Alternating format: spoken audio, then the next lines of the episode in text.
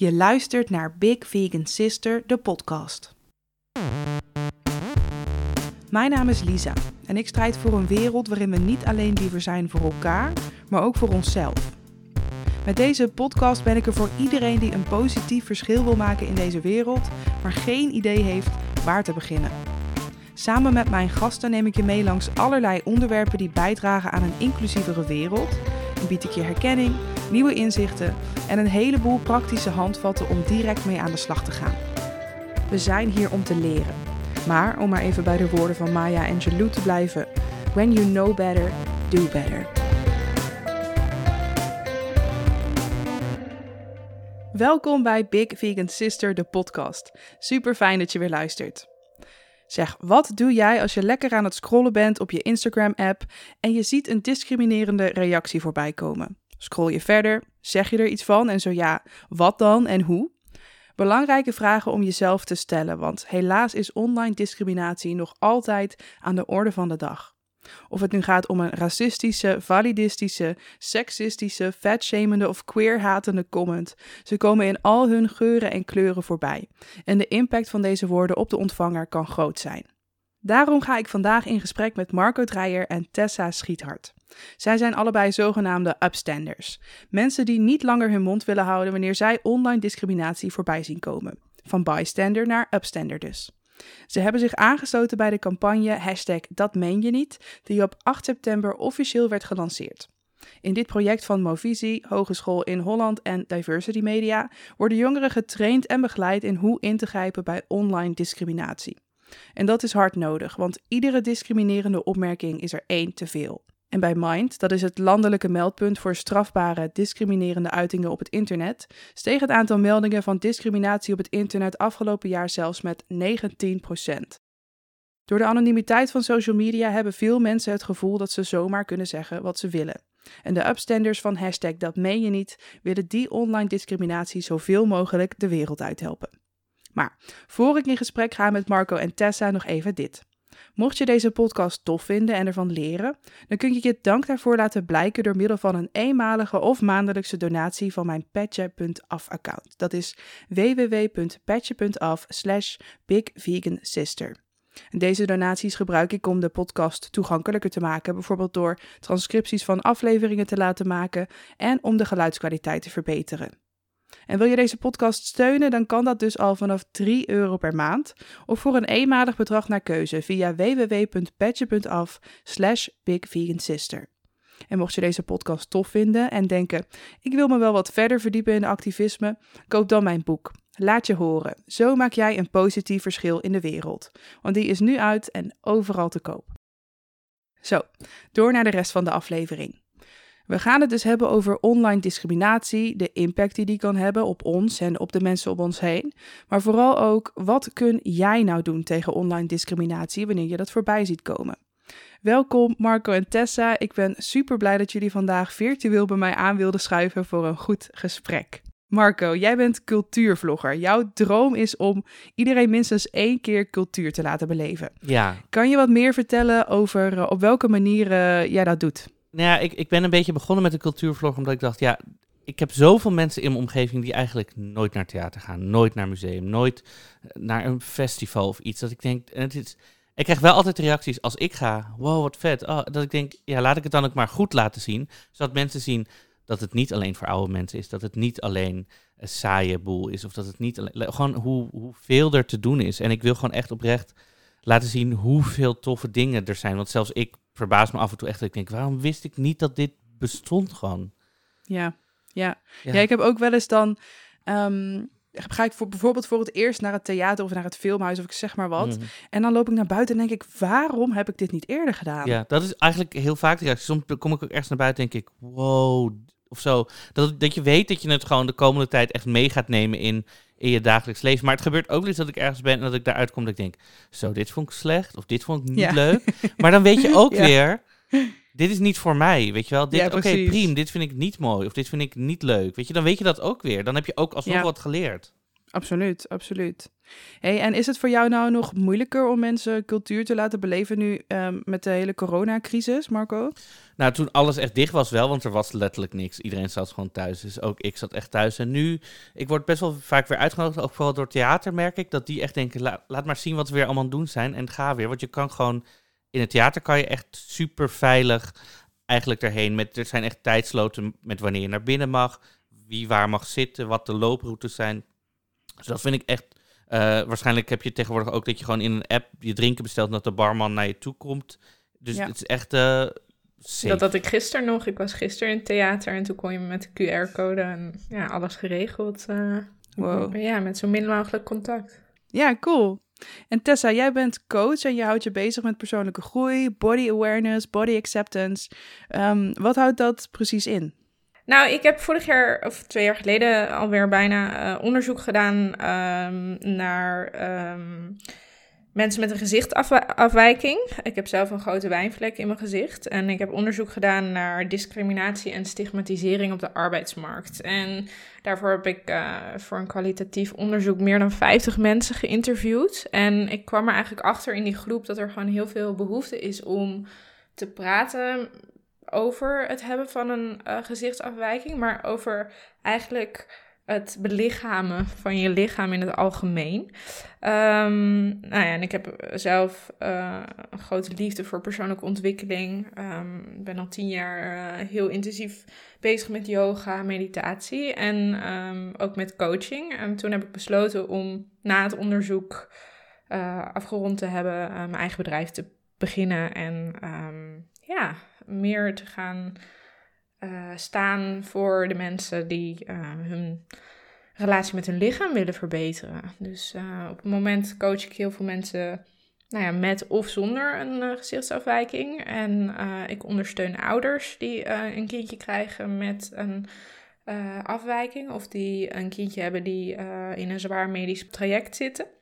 Dus um, ja, als meer de psychosociale ondersteuning voor de ouders. Um, ja, en ik uh, ja, coach heel veel vrouwen, um, uh, omdat het vrouwelijk lichaam uh, natuurlijk ja, in de maatschappij nou, ja, een specifieke rol heeft. En omdat er allerlei stigma's op zitten. En ja, ik leer dus mensen echt um, ja, de relatie met hun lichaam te verbeteren. Mooi. En um, dit is een vraag die ik stel aan al mijn podcastgasten. Eerst even aan Tessa, want we zijn nu toch al in gesprek. Tessa, hoe uh, gaat het op dit moment met jou? Even gezien alles wat er nu speelt. Ja, nou, ik vind het een uh, pittig jaar. En ik moet eigenlijk zeggen dat het niet eens alleen door corona uh, komt. Um, ik heb twee maanden geleden nog een oogoperatie gehad. Dat kwam best wel rauw op mijn dak vallen. Want van op de ene op de andere dag uh, was mijn rechteroog. Um, had een witte vlek erin. En um, bleek dat mijn lens naar voren was gevallen. En ik ben al twintig jaar blind aan mijn rechteroog. Dus nou, dat, dat was even schrikken. En dus nou ja, dan kom je weer in zo'n medische, medische tredmolen. Dus dat heeft best wel veel impact gehad. En nou ja, um, ja, verder vind ik het een uitdagend jaar in de zin dat er, er gebeurt veel. Ook ik merk dat heel veel mensen los van de corona door heel veel persoonlijke processen gaan.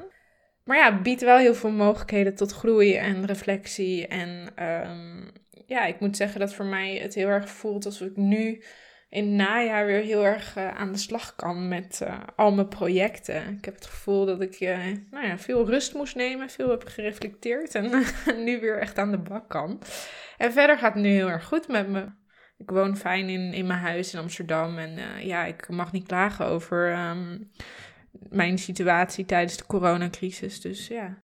En hoe is het bij jou, Marco? Op het moment, ook volgens mij in het Amsterdamse. Ja, ja, ik moet zeggen, om, om aan te sluiten wat bij Tessa zei, het is voor mij in ieder geval heel erg een jaar van persoonlijke groei, reflectie en uh, groei. Ja, ik ben sinds januari gaan werken ook voor um, Masha Mooi van Bye Bye Burnout. Ik doe haar social media en um, een stukje PA, zeg maar. En omdat ik dus nu constant bezig ben met burn-out en stresspreventie, ben ik merk ik dat ik heel veel dingen bij mijzelf denk, oh, dit doe ik eigenlijk, oh, ik steven eigenlijk een beetje af op een burn-out. Dat zei zij ook hoor, van Marco. Ja. Als je voor mij werkt, kan dit allemaal niet meer. Ehm, en ze laat me daar wel heel vrij, maar ik merk wel echt dat ik... Ik had best wel zo'n Amsterdamse mentaliteit van première, feestje, vier verjaardagen. eh, allemaal Ja. op één avond rennen, vliegen. Oh, daar dus. ze- ze- ik wil overal heen. En nu merk ik heel erg afgelopen jaar dat ook toen al het sociale wegviel, dat ik daar eigenlijk helemaal geen problemen mee had. Ik dacht, nou, prima eigenlijk wel zo. Dus ik merk echt dat ik echt van, van, van de twaalfde versnelling terug ben gegaan naar de tweede. Ik merk vooral dat mijn omgeving daar heel erg aan moet wennen.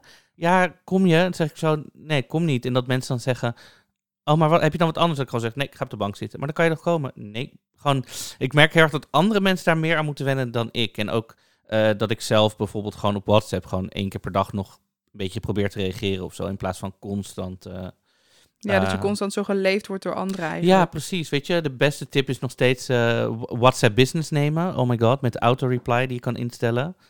Top, echt. Mensen dat krijgen... klinkt fantastisch. is gratis. Daar WhatsApp moet ik maar eens over nadenken. Oh my ja. god, het is gratis hè, WhatsApp Oh, Business. oh. Je kan het downloaden, dan zegt hij, heb je, dan vul je je nummer in, dan zegt hij, oh je hebt al gewone WhatsApp, moeten we alles overzetten?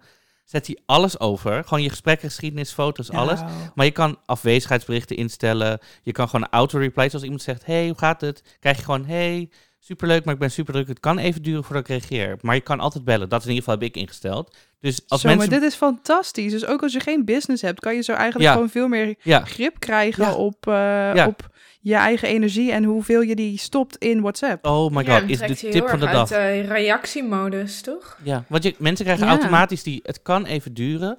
Is het nood? Bel me gewoon even. Nou, dan kan je altijd bellen. En anders dan weet je, dan kan het gewoon even duren. Ja, Ja, dat is echt een supergoeie, want we vergeten natuurlijk wel eens dat dat soort dingen ook gewoon een optie zijn. Als je meteen zo'n zo'n eh, appje binnenkrijgt, ik heb dan altijd heel erg het gevoel, ik, ik doe dat lang niet meer altijd hoor, meteen antwoorden, maar ehm, je hebt toch het gevoel dat je er iets mee moet. Het is weer een taakje erbij in je hoofd, waarvan je Ja. denkt, oké, hier moet ik straks nog iets mee.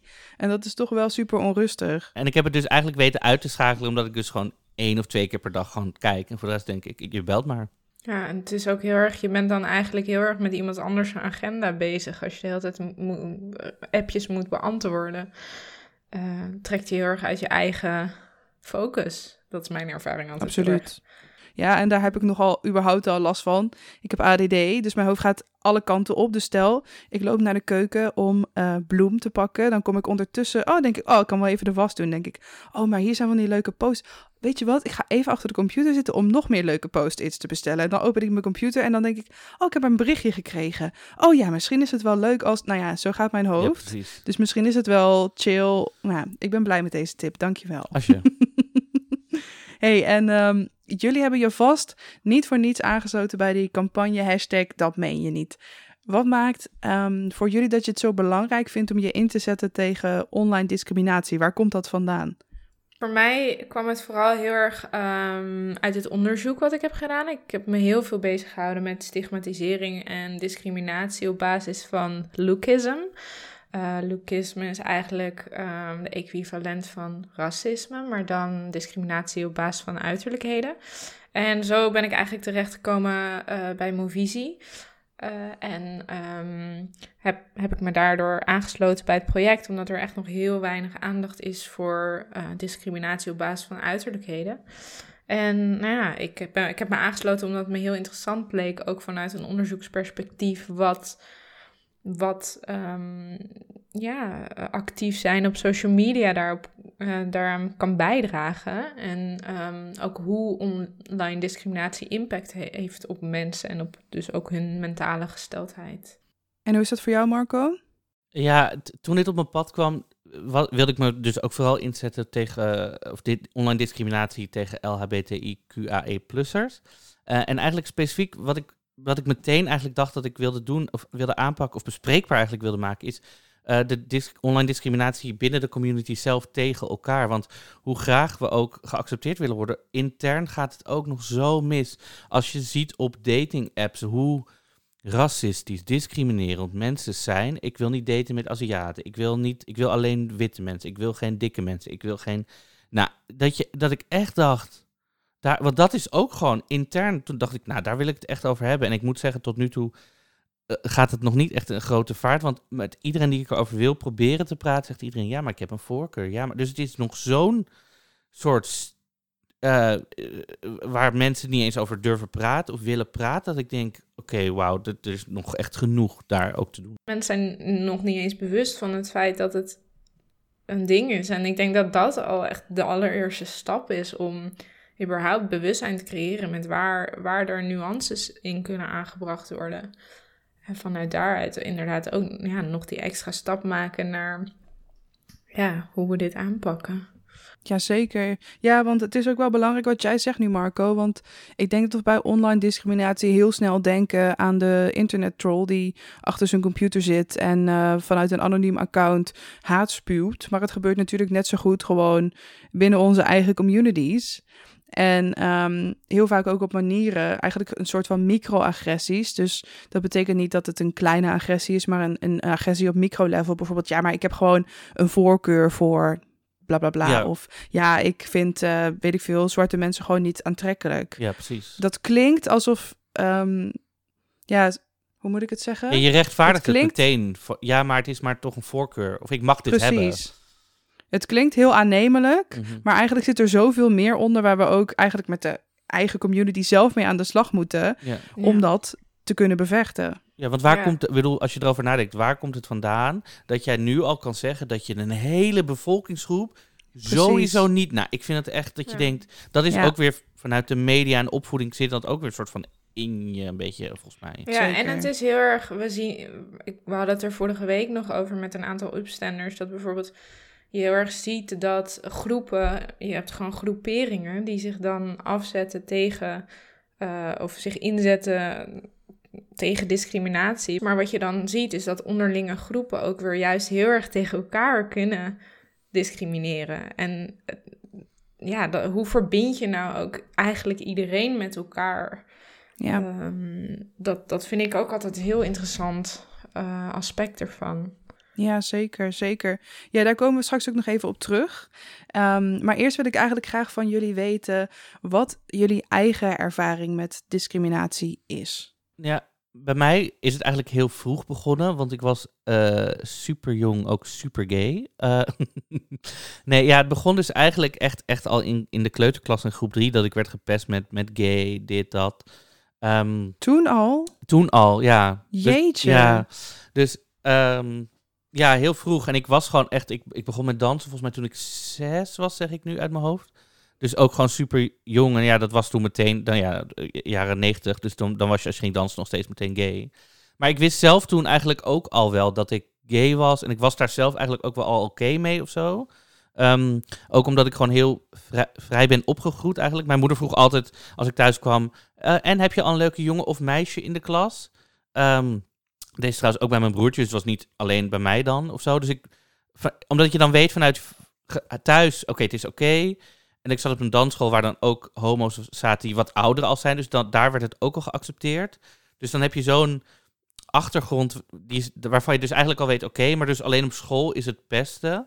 Maar dat is eigenlijk wel doorgezet tot, tot mbo of zo. Dus tot mijn zestiende, zeventiende. Gewoon een soort constante, naar welke school je ook ging, ging dat maar door. En ook dan, um, ik ben dan ook opgegroeid in Amsterdam, in Amsterdam-Noord. Maar ook daar gewoon met buiten spelen en buiten zijn. Al die buurtkinderen die dan constant. Uh, dus voor mij is het dat vooral geweest. Echt heel, heel jong, zeg maar.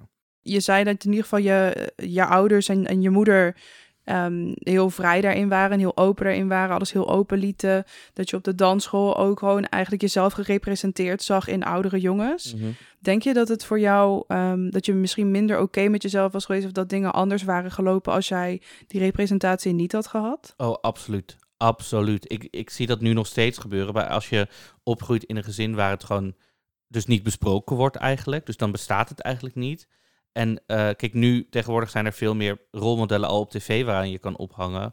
Uh, of waarin je jezelf kan zien uh, spiegelen en zo. Maar in ieder geval toen ik opgroeide was dat echt niet zo. En ik merk gewoon dat die mensen ook veel later pas uit de kast komen. Omdat ze dan pas denken, oh, oh dit, dit is wat ik eigenlijk altijd voelde. Terwijl ik heb altijd al zo kunnen spiegelen en denken, oh ja, oh, dit, dit ben ik gewoon, oké. En oh, mijn ouders vinden het oké, oh, het is gewoon oké. Oké, alleen op die school waar ik zit zijn er gewoon een beetje close. Weet je wel, dan kan je het gewoon hoe kut het ook is, want ik heb ook echt bij kinderpsycholoog gelopen, omdat ik het echt, uh, het was echt wel zwaar, zeg maar. Maar omdat je dus zo'n fijne omgeving thuis wel hebt. En, eh, en op, de, nou ja, op die dansschool waar ik dus zat, dan kan je het soort van levelen.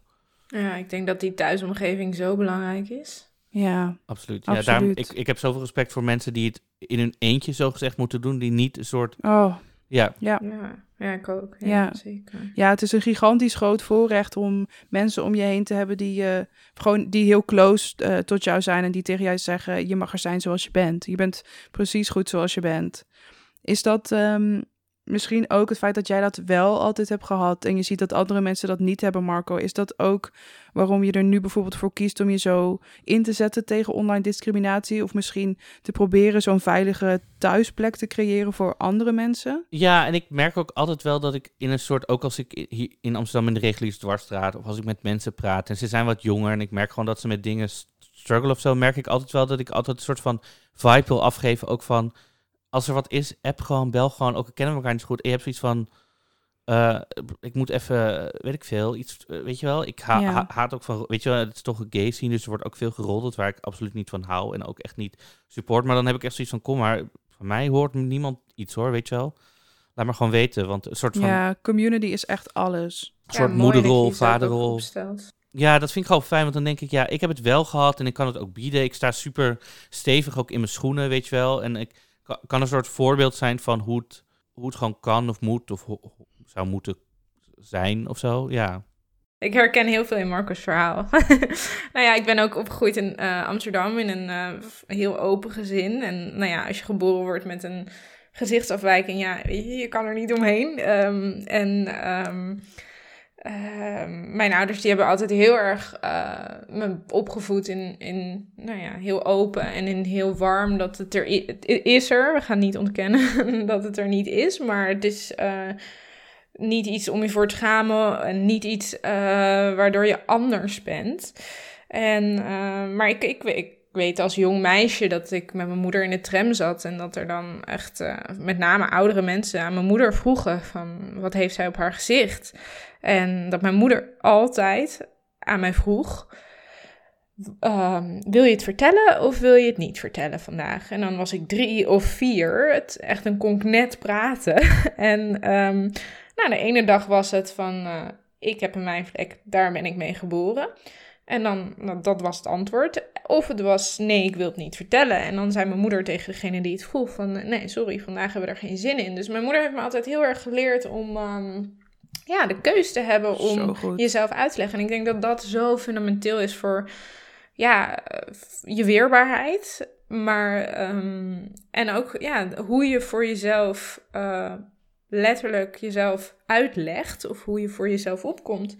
En, eh, maar ja, als ik terugkijk naar ehm, mijn hele jeugd, ik ben nooit gepest. Ehm, ik, ik heb nooit eh, een buitenbeentje in die zin eh, gevoeld. Ik had op de basisschool en op de middelbare school groepen vriendinnen om me heen ook. Maar ehm, ik heb wel ook nare reacties gehad van eh, vreemden. En ehm, wat ik zelf met name heel erg observeer, is dat zeker ook oudere mensen echt niet goed weten hoe ze ermee om moeten gaan. En veel meer eh, de vraag stellen van waarom haal je het niet weg? En dat vind ik, dat vind ik altijd heel lastig. ehm, dat is een hele lastige vraag, vind ik.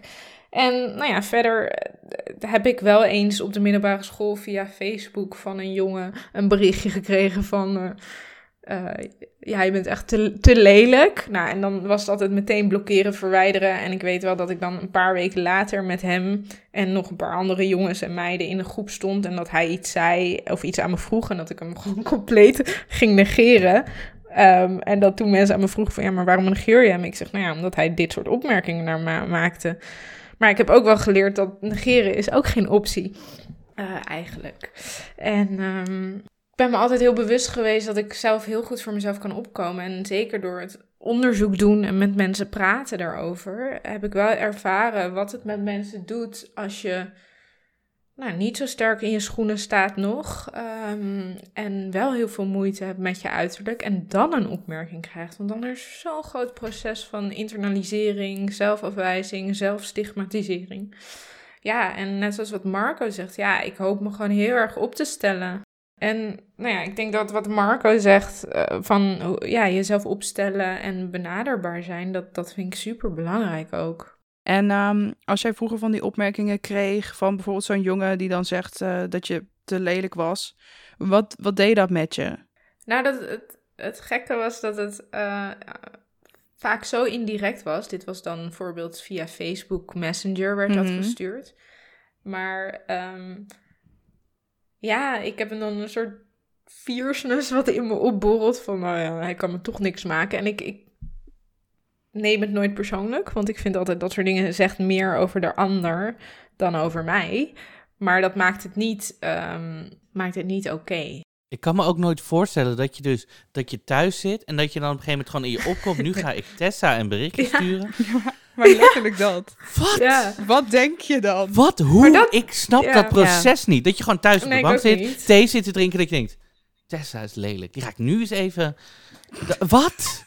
Dat is Maar toch... ook, wat wil je ermee bereiken? Wat wil je ermee? Wat? Precies dat. Like, wat? Ja, nou ja. Maar dat is hetzelfde als wat je ziet nu met al die, al die haattrollen. Die gewoon letterlijk alleen maar een account hebben om te haten op mensen. Dat zie je heel veel op Twitter volgens mij. Ja. Ik zit zelf niet op Twitter, maar Ik zit ook heel bewust niet op Twitter. ja. Nee, dat is nu toch het afvoerputje van het internet aan het worden. Ja, Ja, absoluut. precies. ah, dat is het al wel even. Ja.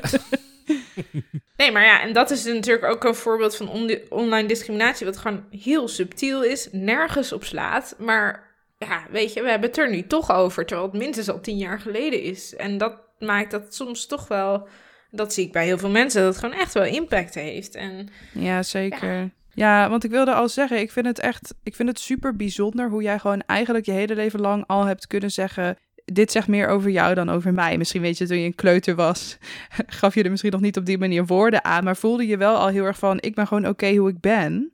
En Ja. ehm, wat jij daarover te zeggen hebt, dat doet er gewoon eigenlijk niet toe. En dat vind ik echt super bijzonder. Want ik weet dat toen ik klein was, ehm, ik ook eh, eh, aan het begin vond ik mezelf echt super oké. En op een gegeven moment kwamen er dan vervelende opmerkingen van mensen. Ik was dikker dan gemiddeld, dus daar ging het dan meestal over. Ik was een hele jonge leerling. Dus nou ja, dan dat gecombineerd was niet echt een eh, fantastische mix op de basisschool en middelbare school. Ehm, Mhm. En ik heb me dat wel echt, hoe lief mijn ouders ook waren, hoe supportive ze ook waren, hoe, ehm, hoe ze me ook altijd vertelden dat ik er gewoon mocht zijn zoals ik ben. Ik heb me dat toch wel echt heel erg aangetrokken. En ik ben daar gewoon echt een hele periode lang vreselijk onzeker en gekwetst door geweest. Heb je enig idee waar het bij jou vandaan kwam dat je altijd wel inherent wist van ik mag er gewoon zijn zoals ik ben? En dat je daar ook echt oké mee bent. ja, nou ja, ik denk eh, één, op hele jonge leeftijd, dat pesten echt heel veel invloed heeft. Ik denk dat dat zo onderschat eigenlijk nog is hoeveel impact dat heeft op iemands leven. En ehm, ja, en daarnaast denk ik, eh, ja, ik denk dat het een combinatie van, van aspecten en factoren is. Ehm, nou, wat ik al zei, heel blij met mijn ouders hoe die het gedaan hebben. Heel blij met een soort groep vriendinnetjes om me heen. ehm, die mij echt vanuit de wieg kennen, zeg maar. Dus die weten niet beter. Dus die ook altijd, echt ook als jonge meisjes, als dat we zes of zeven waren, dat ze dan echt zeiden van, maar waarom zeg je dat? Want ze is toch helemaal niet anders, die het gewoon niet meer zagen. En ik denk dat dat, dat ook gewoon echt een heel erg gelukfactor eh, aan mijn kant is. Dat ik die... Ja, en het geeft ook echt het heb. belang van een fijne community aan. ja. Een community die jou kent en die achter jou staat. Want dat Ja. heb ik dus heel lang echt gemist. Ja, precies. En ik denk eh, wat dan later, toen ik naar de middelbare school ging, ik wilde heel graag lekker in mijn eentje naar de middelbare school zonder mensen die ik kende. Want ik wilde allemaal nieuwe vrienden maken, een nieuw leven. Nou. En ehm, ik kwam op een middelbare school terecht waar we eigenlijk in de eerste week meteen op kamp gingen met de, eh, met de, met de een verschrikking. Sorry, maar dit is echt mijn nachtmerrie. Nou ja, het was heel goed, want het was eigenlijk oké. natuurlijk iedereen's nachtmerrie, maar het was heel goed, want het was eh, in het thema anti-pestproject. Dus het werd meteen een Oh. soort van bam bij ons Dat eruit geramd, dat je überhaupt, maar als je het in je hoofd haalde om er te gaan pesten, Wat goed. dat dat gewoon meteen eruit ges- ge- ja, geramd werd, soort van. En dat vond ik super goed, dat je met z'n allen in de bossen zit. eh, en eh, meteen daarover gaat praten. En ik weet wel dat toen mijn mentor in de brugklas zo vol open in, in de kring zei van... Nou Tessa, je hebt een wijnvlek. Best wel reden om gepest te kunnen worden. Eh, is dat ooit gebeurd? Weet je, gewoon heel to the point. En eh, dat ik zei van nee, nooit gebeurd. Moet je ook niet flikken. En als je het wel doet, krijg je een grote bek terug. Nou, dan is het ook meteen eruit.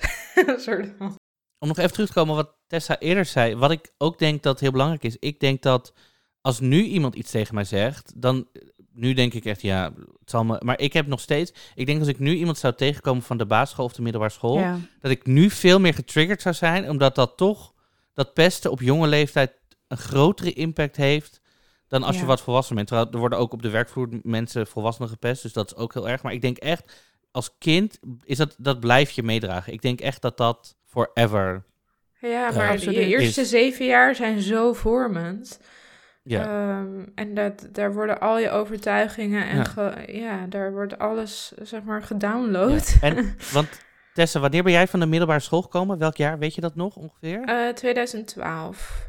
Oh ja, kijk, ik heb nog net het geluk gehad. Ik heb van 2003 tot 2007 op de middelbare school gezeten. En in 2007 kwam Facebook pas, geloof ik. En dat was toch nog helemaal niet mm. groot. Dus ik heb zo net nog Hives en Partypeeps meegemaakt, zeg maar. En wel MSN, maar bij al die dingen, ik heb nog net zo de, oké, gepest op school en online was nog niet echt ja, heel groot. Waardoor ik dus als ik van school kwam en je had geen zin erin, ging je gewoon niet online. je had niet een soort constante. Mensen gingen echt niet hun sms-bundels gebruiken om jou te pesten, zeg maar. Nee, en ik merk wel echt dat het nu, zeg maar, vooral kinderen die gepest worden, is echt dan word je op school gepest en dan ga je naar huis en dan gaat het gewoon dan door. Gaat het gewoon door. Terwijl ik ging dan natuurlijk naar de dansschool en dan was ik totaal zes uur lang met andere dingen bezig. Nou ja, slapen en dan weer, oké, school is dan even doorkomen. Maar nu, vooral jongeren dan inderdaad, is het ook, het gaat online gewoon door. En dat je, er ja, kan gewoon niet. Dat maakt het wel echt nog stukken heftiger, ja, denk ik. Voor, ja, dat ik denk, zoveel kwetsbaarder nu. Ja, want je bent nergens meer veilig. Kijk, ik weet dat wel dat dat ik toen, ik zat op, uh, bij een toneelgroep.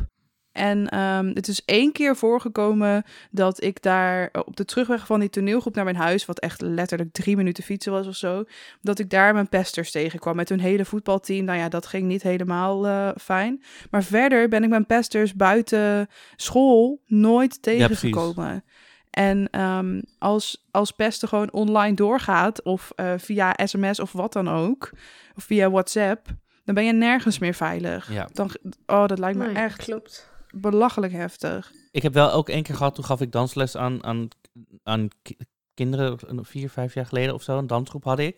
En toen hoorde ik op een gegeven moment, uh, er was een appgroep aangemaakt. Want we hadden gewoon de appgroep met iedereen. En toen was er een appgroep aangemaakt zonder één meisje erin. En het ging daar dus over. En toen ben ik echt die les begonnen. En toen kwam iedereen zo, ah, ik zo, nou, we gaan even zitten. We begonnen altijd met een soort kring van, hey, hoe gaat het met iedereen? Weet je, een soort uh, en toen zei ik zo, nou, uh, vertel, gaat met iedereen? Toen iedereen, ja, supergoed. Zei ik zo, nou, volgens mij gaat het helemaal niet zo goed. Want er is een appgroep zonder, uh, volgens mij heet ze Jamie. Nou ja, goed, dat is helemaal niet belangrijk. Maar, uh, en toen was het zo, ja, nee, want, ik zo, is dit een soort roddelgroep over Jamie? En iedereen zo, ja. Ik zeg, nou, we gaan vandaag echt niet dansen. We gaan het hierover hebben. Toen ik en iedereen zei, nee, we kunnen wel dansen. Nee, ik zei, we gaan, jullie mogen, je hebt verdiend helemaal niet om te dansen. Tot we weer één groep zijn. Ik zeg, waarom? Dus echt zo. Dus ik zei, ja, jongens, we gaan het nu. Dus toen heb ik het gewoon in één uur gewoon meteen zo eruit. Gewoon, dat gaan we niet doen. Punt. Niet, ook niet nog aan het einde. Oh, toch nog een dansje? Nee, gewoon niet. Hebben jullie. Nee, punt. Wat goed. En, en wat voor vragen heb je ze toen gesteld? Of, uh... Ja, gewoon. Eh, eh, van waarom, weet je wel, waarom is die appgroep nodig? Waarom, weet je, ik zeg, je kan ook gewoon, als er iets is met Jamie, dan ga je gewoon naar Jamie toe. Uh, en dan zeg je gewoon, goh, Jamie, ik hoorde dit. Of, weet je, en als Jamie uh, schoenen hebt die je niet leuk vindt, of whatever, ik weet niet meer waar het over ging. Maar weet je, ik zeg gewoon tegen iemand van, ga gewoon naar iemand toe. Ook al, je kan ook zeggen, goh, ik vind jou niet zo leuk. Nou, dan kan die andere zeggen, nou, misschien vind ik jou ook niet leuk. Prima, maar dan laat je elkaar gewoon met rust. Dan zijn jullie, zitten nog steeds in dezelfde dansgroep, zitten nog steeds in hetzelfde team.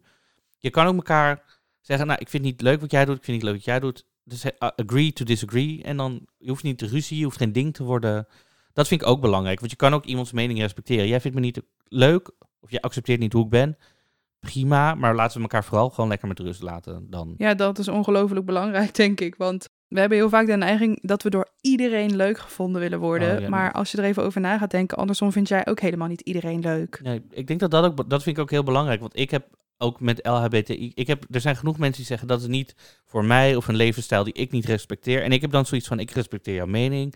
Jij hoeft mijn levensstijl niet te accepteren, maar je hoeft er dan niks mee te doen. Zeg maar. je, hoeft er, je hoeft me niet op straat na te blaren, online na te blaren, aan te vallen. Je hoeft er, je hoeft er niks. Je kan ook denken: nou, van mij hoeft het niet. En ik vind het altijd zo interessant waarom mensen dan wel die neiging hebben om iemand te willen veranderen ook. En wat, wat maakt het dan zo moeilijk om elkaar in onze waarde te laten? Precies. Dat vind ik altijd Precies. ja. Dat en dat je ook niet alles hoeft te begrijpen, maar dat je dingen ook gewoon voor mensen aan mag nemen. Mhm. Dat dingen zo zijn. En wat, wat jij net benoemde, Marco, is ik zie daarin wel heel erg parallellen tussen hoe mensen, zeg maar, de dingen die mensen zeggen over LHBTI'ers en hoe men, de dingen die mensen zeggen over dikke mensen, zoals ik. Want um, bij LHBTI'ers is het altijd ja, zolang ze maar niet aan mij zitten. Of ja, uh, anders word ik dadelijk ook nog homo of zo, weet je wel. Te, en, en, en bij, mensen, bij dikke mensen is het ja, maar je promoot obesitas. Ja, en we just want to live. We willen gewoon ons leven leiden op onze eigen manier, zonder daar iemand mee kwaad te doen. Ik doe allebei. Ik doe en body positivity en LHBT. Dus ik ja, creëer allemaal dikke homo's overal. Raak iedereen aan. Zo. Ja, nee. Nee, ja, ik snap... Ja, dat je, maar dat je ook denkt, luister eens naar wat je zegt of zo. Hoe... hoe dan word ik ook homo. Wat? Wat? Nou ja, ik heb ook altijd heel veel vaak als mensen mij iets vragen op straat. Eh, ik krijg best wel vaak als ik, uh, ik wil de Albert Heijn uitkom, dat er iemand dan echt zo, wow, wow wat heb je op je gezicht? Uh, dat gebeurt denk ik wekelijks, vooral als ik in mijn eentje ben. Wauw. Maar, uh, nou, niet eens auw, niet eens auw, maar gewoon verbazing van uh, ik, ik zeg dan altijd, ik bedoel, ik moet ook altijd wel een beetje lachen, want dan denk ik van such blunt approaches.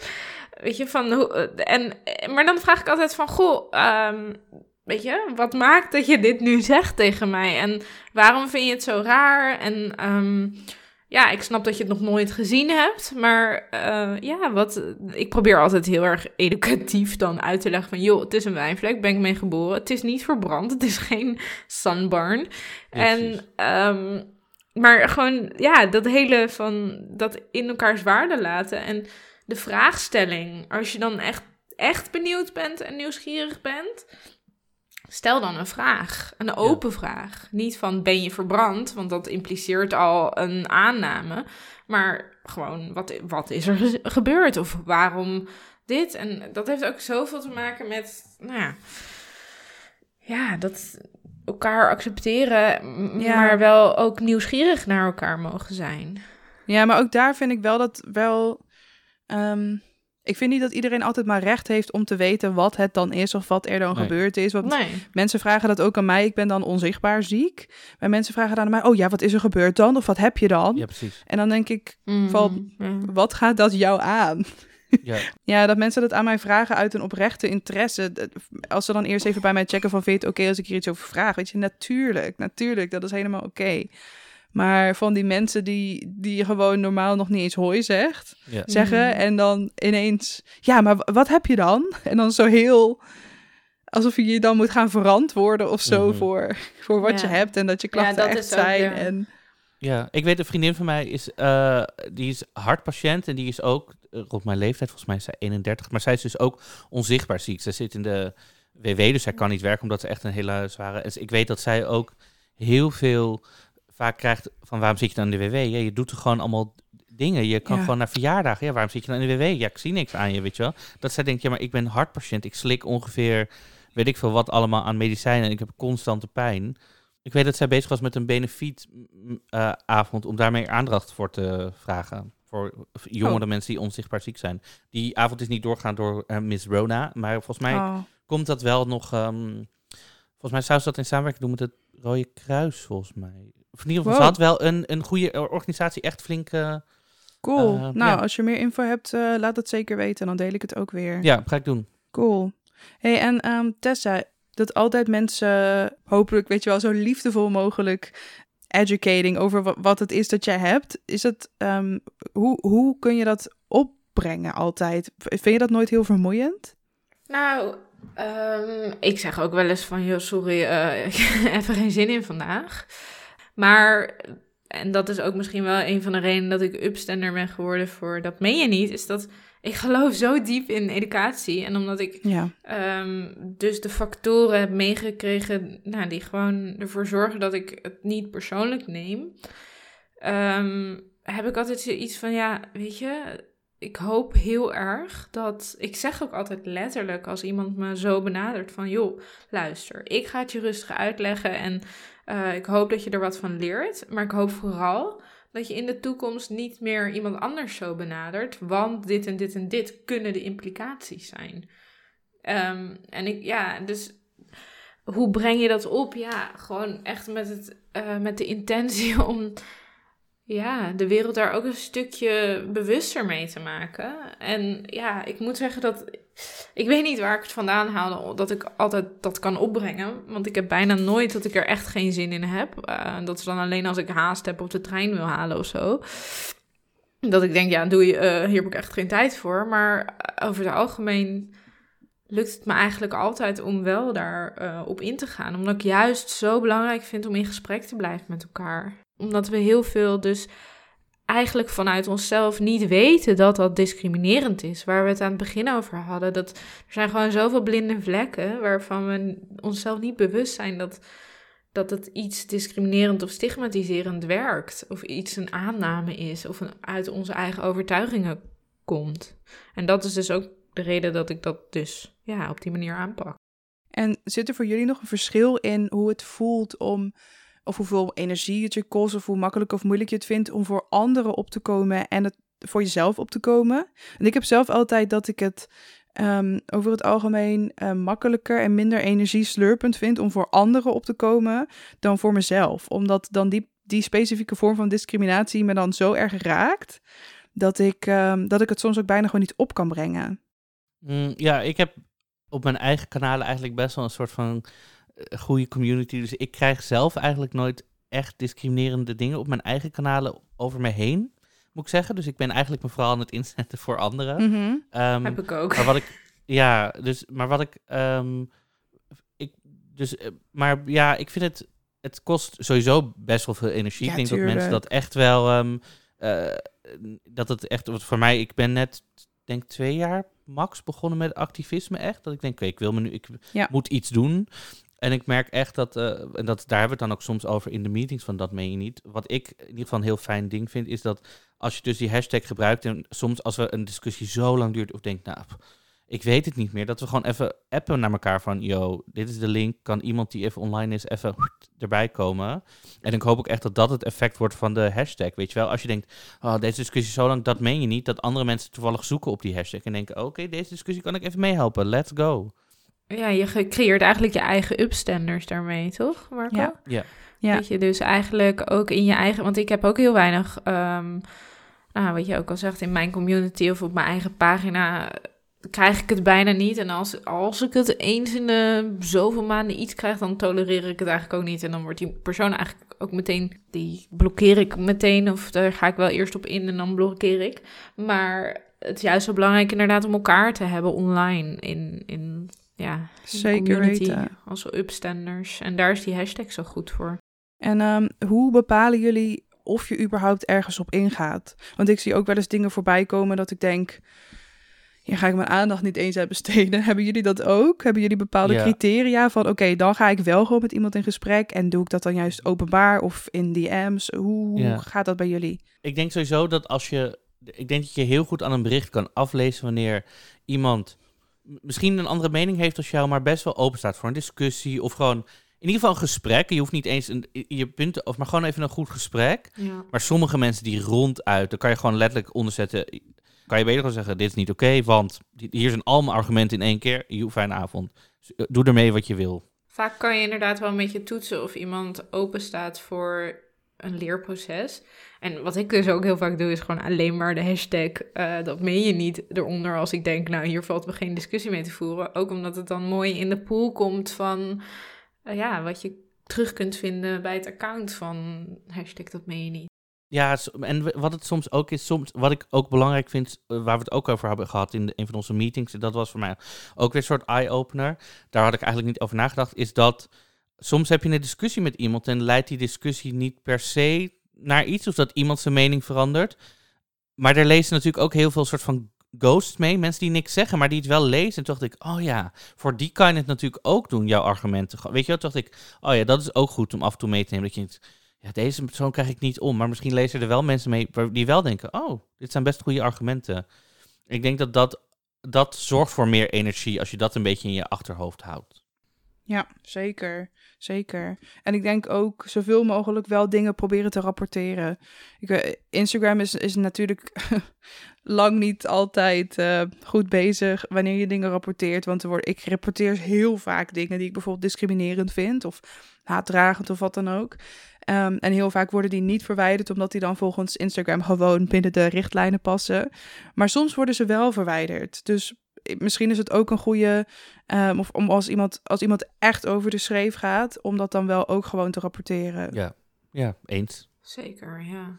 En um, stel nou, de mensen die nu luisteren, um, die zien uh, online uh, een vorm van discriminatie voorbij komen. Of ze uh, klikken op de hashtag dat meen je niet en willen op die manier voor iemand opkomen. Hebben jullie tips hoe je constructief um, in kunt gaan op ja, online discriminatie? Wat, wat, wat je bijvoorbeeld juist wel en ja. juist echt niet moet wat gaan voor doen. mij altijd heel goed werkt, is als je ook zelf eerst even bedenkt waar komt deze persoon vandaan? Waarom zeg je dit?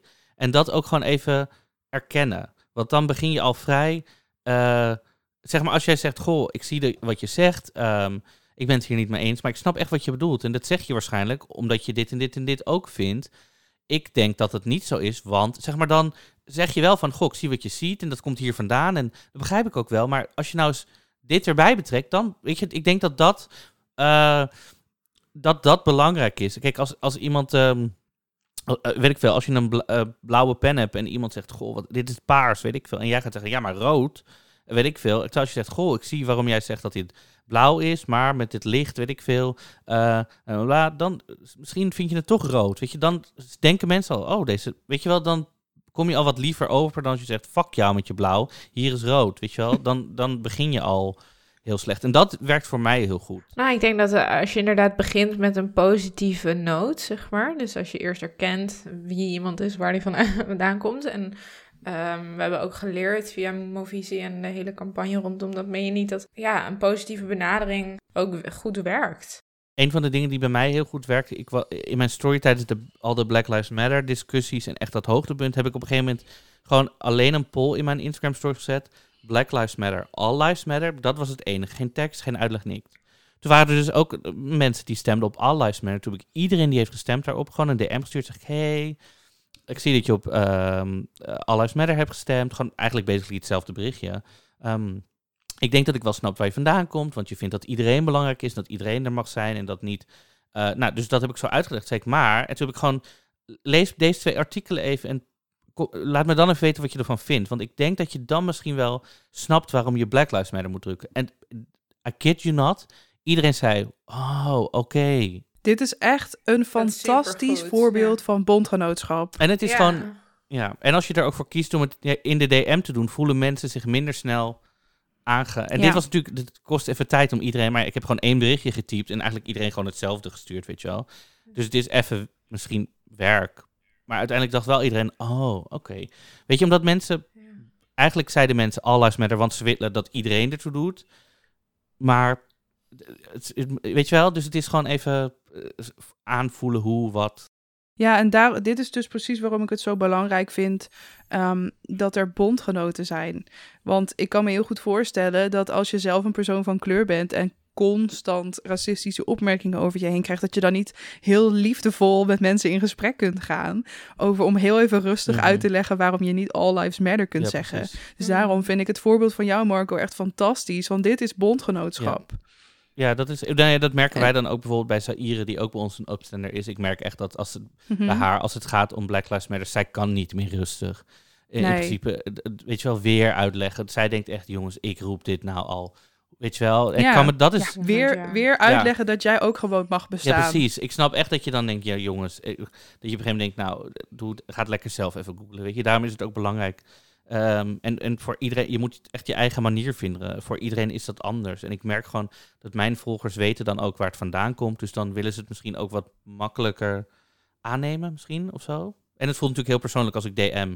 Ja, en dat is misschien ook een beetje het verschil tussen wanneer kies je voor calling out en calling in. Ik heb daar ook een hele uh, podcast aflevering over opgenomen. Denk een paar afleveringen terug. Dus mocht de, jij, de luisteraar, het interessant vinden, check die ook zeker even. Want daarin ga ik heel uitgebreid in Um, op um, wanneer je kiest voor calling in. Dus um, eigenlijk meer in de privé-sfeer. Dus dat je iemand even een DM stuurt. En wanneer je kiest voor calling out. Dus wanneer je bijvoorbeeld er juist voor kiest om die discussie onder de bewuste post te gaan voeren. Zodat andere mensen mee kunnen lezen. En stel, je, je gaat in op zo'n uh, zo'n zo'n post. Of uh, sorry, een, een reactie waarin iemand uh, discrimineert online. Hoe kan je dat nou goed aanpakken? Um, ja, het is een beetje maatwerk wel. um, dus ik, sowieso zou ik altijd beginnen met die positieve inslag en daarna gewoon uh, proberen het gewoon je punt duidelijk te maken op een oké manier. Nooit zelf over, over verhit worden. Ik denk dat dat heel belangrijk is. Als je zelf op een gegeven moment denkt, oké, het wordt me nu iets ik word zelf te, dan moet je gewoon denk ik de discussie stoppen. Dat je gewoon zegt, oké, dit zijn mijn punten. Ik wens je verder een fijne avond, ochtend. Ik heb toch het idee dat het wel vaak s'avonds is. Um, maar dat je gewoon iemand een fijne dag verder wenst. En, uh, want anders dan word je zelf zo'n zo iemand die op een gegeven moment misschien verkeerde dingen gaat zeggen of zo. Ja, en ook uh, dan als je wel jezelf getriggerd voelt, toetsen bij jezelf waarom je getriggerd wordt, denk ik. Ik denk dat een, uh, ja, een reactie die bij jezelf onderzocht is ook ja, meer kracht heeft. En ja, ik denk dat het wel ook van belang is vaak om snel te reageren op dit soort dingen. Want als je een aantal dagen wacht, dan, um, ja, dan uh, valt het gesprek ook vaker dood. Dus ik zou ook wel aanraden om ja, wel um, snel te reageren.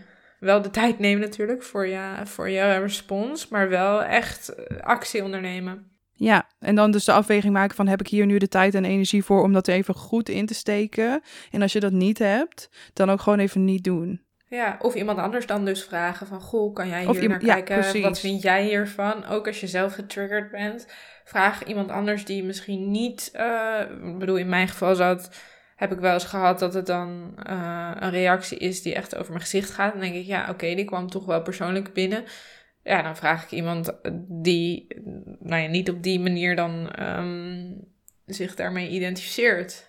Ja, dat is een supergoeie, want ik denk dat daarom ook de hashtag dat meen je niet zo belangrijk is. Want kijk, ik heb een heel fijn netwerk met mensen om me heen die voor mij op kunnen komen.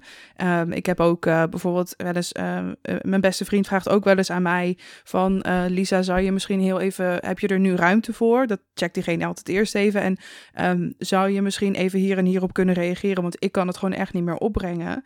maar ik kan me voorstellen dat er mensen zijn die die mensen niet om zich heen hebben. Dus dan is het super belangrijk dat um, um, je gewoon even die hashtag eronder kan zetten en dat hopelijk iemand anders bij kan springen. Ja. En je kan natuurlijk ook het niet inhoudelijk uh, behandelen wat iemand zegt, als iemand discrimineert, maar wel gewoon alleen benoemen dat het niet ook. Waarom zeg je. Weet je wel, dat je alleen even benoemt. Wow, dit is echt niet oké okay dat je dit zegt. On, weet je, dit zou je offline ook niet zeggen. Dan hoef je die inhoudelijke ja. discussie al niet eens aan te gaan. Of je het nou wel of niet ermee eens bent. Het is gewoon niet oké okay ja. wat iemand zegt. Goeie.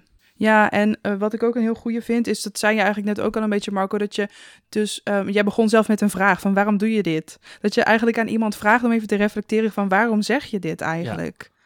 Vind, vind je dat normaal? En ook denk dat het daarbij heel belangrijk is dat we dan proberen niet te vervallen in het ene onderdrukkende systeem bestrijden met het andere. Want dat is Precies. wat ik nu bijvoorbeeld heel vaak zie gebeuren. Met het bijvoorbeeld het hele Famke Louise verhaal dat mensen heel erg in gaan zetten op ja, want ze heeft een laag uh, eh, IQ. Of oh ja, want ze ziet er toch niet uit met die opgespoten Shaniqua lippen. Weet je wat? Wow. Dan verval je dus tot uh, allerlei vormen van onderdrukking. En dan ga je proberen het ene met het andere. Bijvoorbeeld, weet je wel, um, uh, validisme met Precies. racisme bestrijden. En dat is juist wat we niet willen, want we willen solidair zijn aan elkaar. Dus ik denk dat we daar ook heel goed mee op moeten passen. Mhm. Yep, yep. En dan zet je eigenlijk weer groepen tegenover elkaar die eigenlijk gewoon elkaar keihard nodig hebben.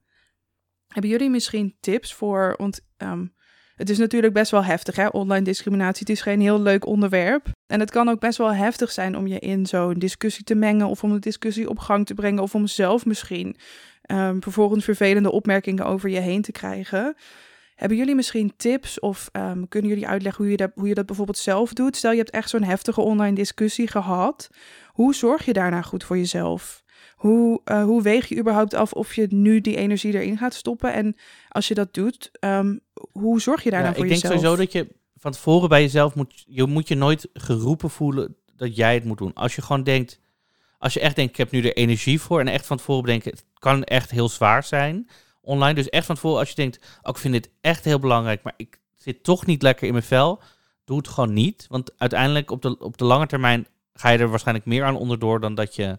Uh, want het, je neemt dit wel op je om iemand die dus racistisch of discriminerend of whatever is. Je maakt dat jouw probleem. Terwijl dat eigenlijk is het diegene's probleem. Dus dat is al, dat je het aanpakt op zich is al fantastisch als je dat gaat doen. Maar check echt bij jezelf goed. Je, het hoeft niet natuurlijk, weet je wel. Het is fijn, maar je moet echt in een good place zijn. En mocht je nou echt in een super verhitte discussie raken en het vliegt echt om je oren. Ja, dus als je erin zit je denkt, het wordt me te veel, gewoon afkappen. Gewoon zeggen, ik wens je een fijne avond. Um, lees wat ik heb gezegd en doe er wel of niet wat mee. En als je achteraf denkt, uh, zit, zit me toch wel zwaar. Bel iemand, app iemand. Ga er gewoon even over hebben. Van, wow, weet je wel, maak ook gewoon bespreekbaar dat je net eigenlijk gewoon een ruzie hebt gehad. Of het nou online of in het echt is. Je hebt gewoon een ruzie gehad. Dus dit is gewoon, ik vind dat we er gewoon meer over moeten kunnen praten. Van wow, ik heb net een ruzie gehad met iemand. Uh, gewoon even nou ja, iemand bellen, appen, whatever. Van wow, dit en dit. En ja, ik, ik denk uh, dat vooral je persoonlijke, ja, je mentale gesteldheid heel belangrijk is. Wat je ook zei, Mar Marco, dat je echt even toetst bij jezelf. Hoe voel ik me? Hoe zit ik in mijn vel? En dat je dus niet gaat rea reageren vanuit een, ja, zo'n een, ja, niet helemaal gezonde reac reactiemodus. Um, en je inderdaad er dus van bewust zijn dat het echt, nou ja, dat online evenveel impact heeft als offline. En dat we soms denken dat dat niet zo Ja. is. Maar dat Ja. de, de energie erachter is, ja, heeft denk ik echt evenveel impact. En als we onszelf dat realiseren dan, ja, en dat bij onszelf kunnen toetsen, eh, dan denk ik dat we daar op een gezonde manier ook mee, eh, zelf mee op, om kunnen gaan. En je hoeft niet, je hoeft niet te reageren.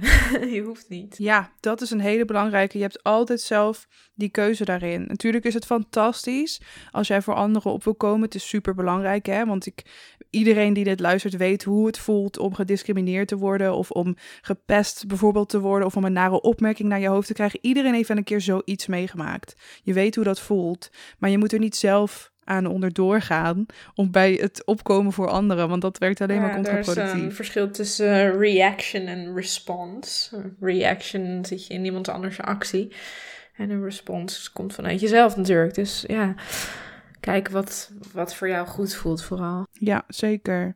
En wat ik ook heel vaak zie gebeuren is ehm, in dat soort online discussies dat degene die ehm, de discriminerende opmerking heeft gemaakt er heel lichtvoetig over doet en vindt ehm, en als het ware laat blijken dat eh, dat degene die er tegen ingaat, dat diegene zich maar aanstelt. Want het is toch maar een grapje. Of we kunnen tegenwoordig toch ook niks meer zeggen. Hebben jullie misschien tips ehm, over wat je op dat moment kan doen? Wat je bijvoorbeeld tegen diegene kan zeggen? Of zeg je van, kap het dan maar gewoon af. Dit zijn van die bepaalde herkenningspunten waarbij het alleen maar energie gaat kosten. Ja, die van, het, het is toch maar een grapje of het is toch gewoon een grap. Dan denk ik, ja maar, eh, oké, grap. Maar grappen kunnen nog steeds racistisch of discriminerend zijn. Maar ik vind het altijd zo lastig, Ja. want het is net alsof je... Ja, maar ik wil graag... Je zegt bijna gewoon, ik, ik wil graag racistisch zijn, maar ik doe dat op een lacherige... Maar we moeten erom lachen of zo. Ik wil graag ten Ja, koste van snap- anderen heel erg leuk wat zijn. Dat, ja. Wat het punt is, maar het is wel, ik merk altijd dat dat een dooddoener is. Omdat je gewoon, als je zegt, ja, maar Mhm. dat is nog, nog steeds racistisch of discriminerend, dat is dan, ik, je merkt gewoon dat dat soort van, ja, maar ik wil gewoon grappig blijven doen. En Nederlandse humor is dan hard en direct, weet je wel, maar ik ken nog steeds mensen die grappen maken die hard en direct zijn, maar nog steeds niet discriminerend of, of racistisch. Of, dus Precies. misschien moet je Ja. gewoon even, we- het is 2020, misschien moet je Maybe you're just eh, not that funny. Ja, misschien moet je gewoon wat meer onderzoek doen naar je grappen. En kost het gewoon wat meer moeite om humor te doen. En kan je niet meer gewoon wat in je, een oerinstinct wat in je opkomt. En het eerste wat je ziet of zo.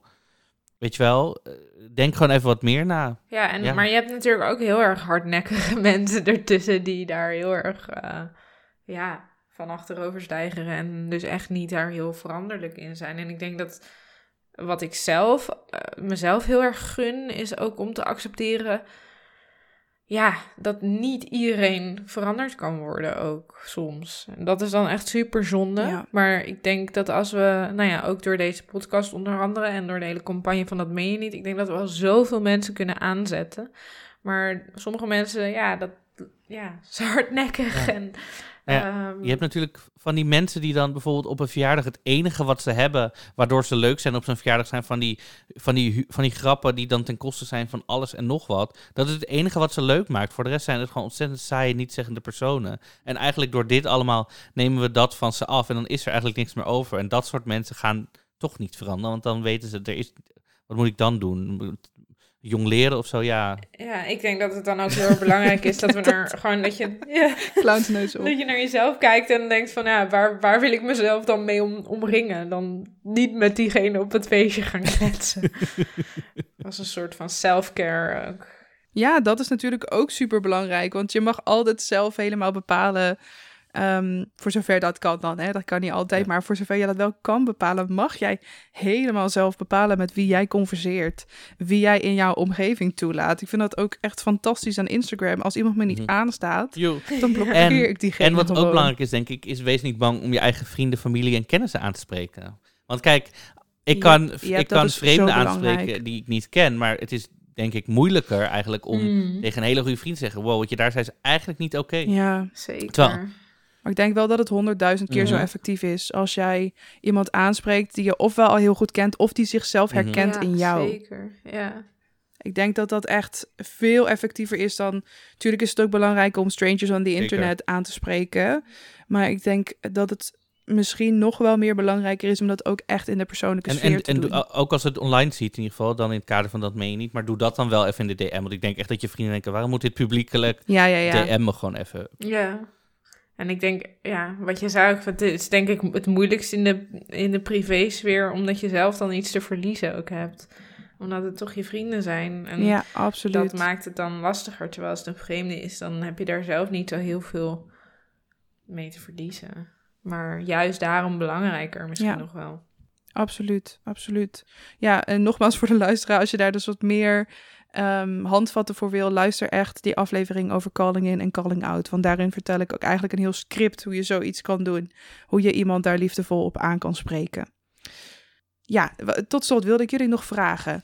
Ehm, ik denk dat het belangrijk is dat we met z'n allen een veiligere online omgeving creëren. Waarin niet alleen ehm, online discriminatie minder voorkomt. Kijk, het liefste wil ik het helemaal weg hebben, maar dat lijkt me niet heel erg reëel, helaas. Maar ehm, een omgeving waar het dus dan niet alleen minder voorkomt, maar waarin het ook makkelijker is om het bespreekbaar te maken. Hebben jullie bepaalde ideeën ehm, voor hoe we samen met z'n allen aan zo'n online omgeving kunnen werken? Eh, gebruik de hashtag dat meen je niet. Ja, kijk op hun account Nou ja, ik denk- ook. ja. Het account van hashtag dat meen je niet. Ja, ja, praat er, ja, maar ook echt praat er dus gewoon echt over inderdaad. Als je geen zin hebt in inhoudelijke discussie, benoem gewoon het feit dat wat iemand zegt al gewoon niet oké is, weet je wel. Ehm, en ik, ik merk vooral, wat ik zie dan, weet je, om nog even terug te komen eh, op die LHBTIQA+, laatst bij de, het NOS Jeugdjournaal werd aangekondigd van eh, Drag Race, eh RuPaul's Drag Race komt naar Nederland.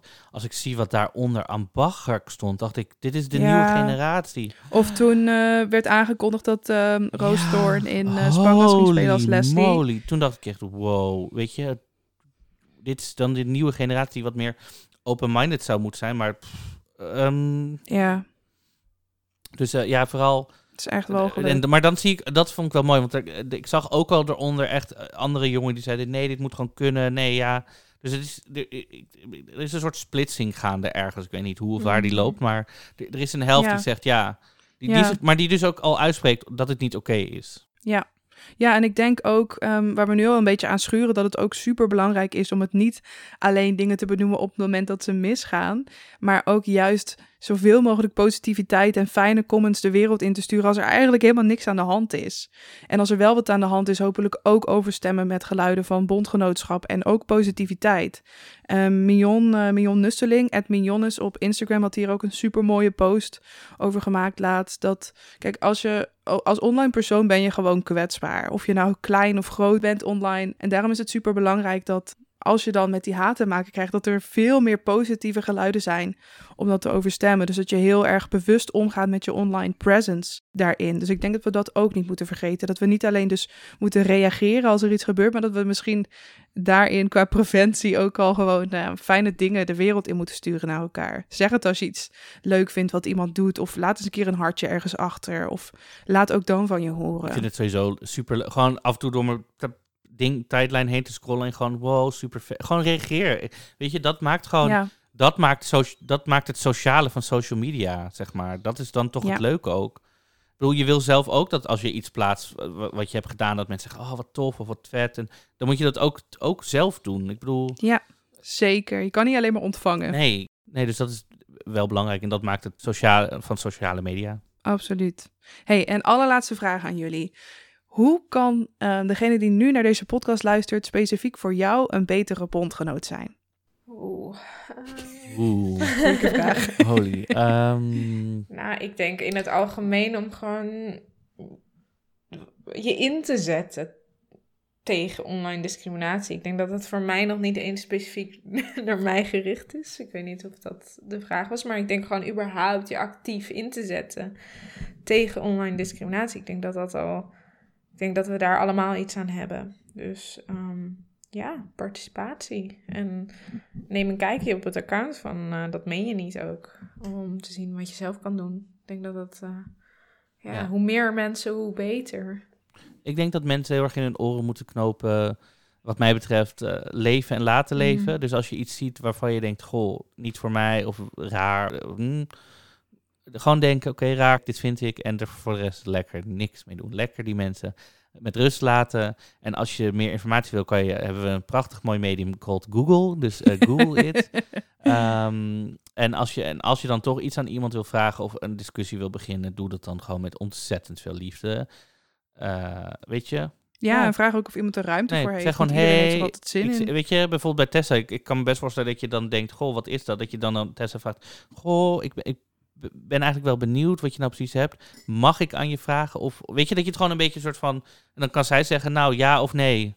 Ja, Ja, Ja. ik heb een vraag over, mag ik die aan je Ja, stellen? En dan mag Ja, je ook echt gewoon Ja, nee mooi- antwoorden. Mooi voorbeeld. Ja, ik, dit- het lijkt me echt een supergoeie om mee af te sluiten. Dat je überhaupt weet dat jij nooit iemand iets verschuldigd bent, maar dat anderen jou ook niks verschuldigd zijn. Nou, voor we afsluiten heb ik nog iets superleuks. Want ik mag namelijk niet één, maar twee mega toffe Instagrammable hashtag dat meen je niet t-shirts weggeven. Dus daarmee kan jij dagelijks laten zien hoezeer jij je inzet tegen online discriminatie en dat je vindt dat het echt niet meer kan. Wil jij er eentje winnen? Check dan de post die bij deze aflevering hoort op mijn Instagram. Dat is @bigvegansister. Ik wil je heel erg bedanken voor het luisteren. Vond je deze aflevering interessant, leerzaam? Maak dan een screenshot, deel die in je stories en tag mij en de gasten erin. Marco en Tessa, ik wil jullie echt ongelooflijk bedanken voor dit mooie gesprek. Hoe kunnen de mensen jullie vinden op het internet? Dames eerst. Dankjewel. Het was eh, ja, super fijn om eh, met jullie in gesprek te gaan. Eh, jullie kunnen mij vinden eh, op Instagram at tofacetheworld en op mijn website tofacetheworld.com. Dat, eh, daar deel ik alles over eh, coaching en over eh, het aangaan van online discriminatie op basis van uiterlijkheden. Cool, cool. En Marco, waar ben jij te vinden op het wereldwijde web? Eh, op Instagram ben ik Marco Dreyer, D-R-E-I-E-E-R. En mijn website, Facebook, eh, Twitter heb ik geloof ik ook wel. eh, van de cultuurvlogger. Daar krijg je alle informatie over nieuwe tentoonstellingen of vlogs waar ik ben geweest. Of theaterrecensies. En daar vind je ook mijn twee andere podcasts die ik zelf presenteer. Eentje over het Songfestival, de Dingedong podcast. En Pruikentijd, de podcast over RuPaul's Drag Race Nederland. Dus, eh, Yes, yes, cool. Dank jullie wel. Je kunt eh, hashtag dat meen je niet volgen, letterlijk door hashtag dat meen je niet uit te typen in Instagram, dus ga dat zeker doen. Mij kan je volgen via @bigvegansister. Doneren kan via petje.af slash bigvegansister. Mijn boek Laat je horen is te koop. Dat kan via de link in de bio van mijn Instagram of via je favoriete boekhandel. En wil je me nou een berichtje sturen? Dat kan via lisa@bigvegansister.com. En wil je nou nog meer Big Vegan Sister? Abonneer je dan op deze podcast. Luister de vorige afleveringen. En dan zie ik je heel graag de volgende keer weer. Doei doei!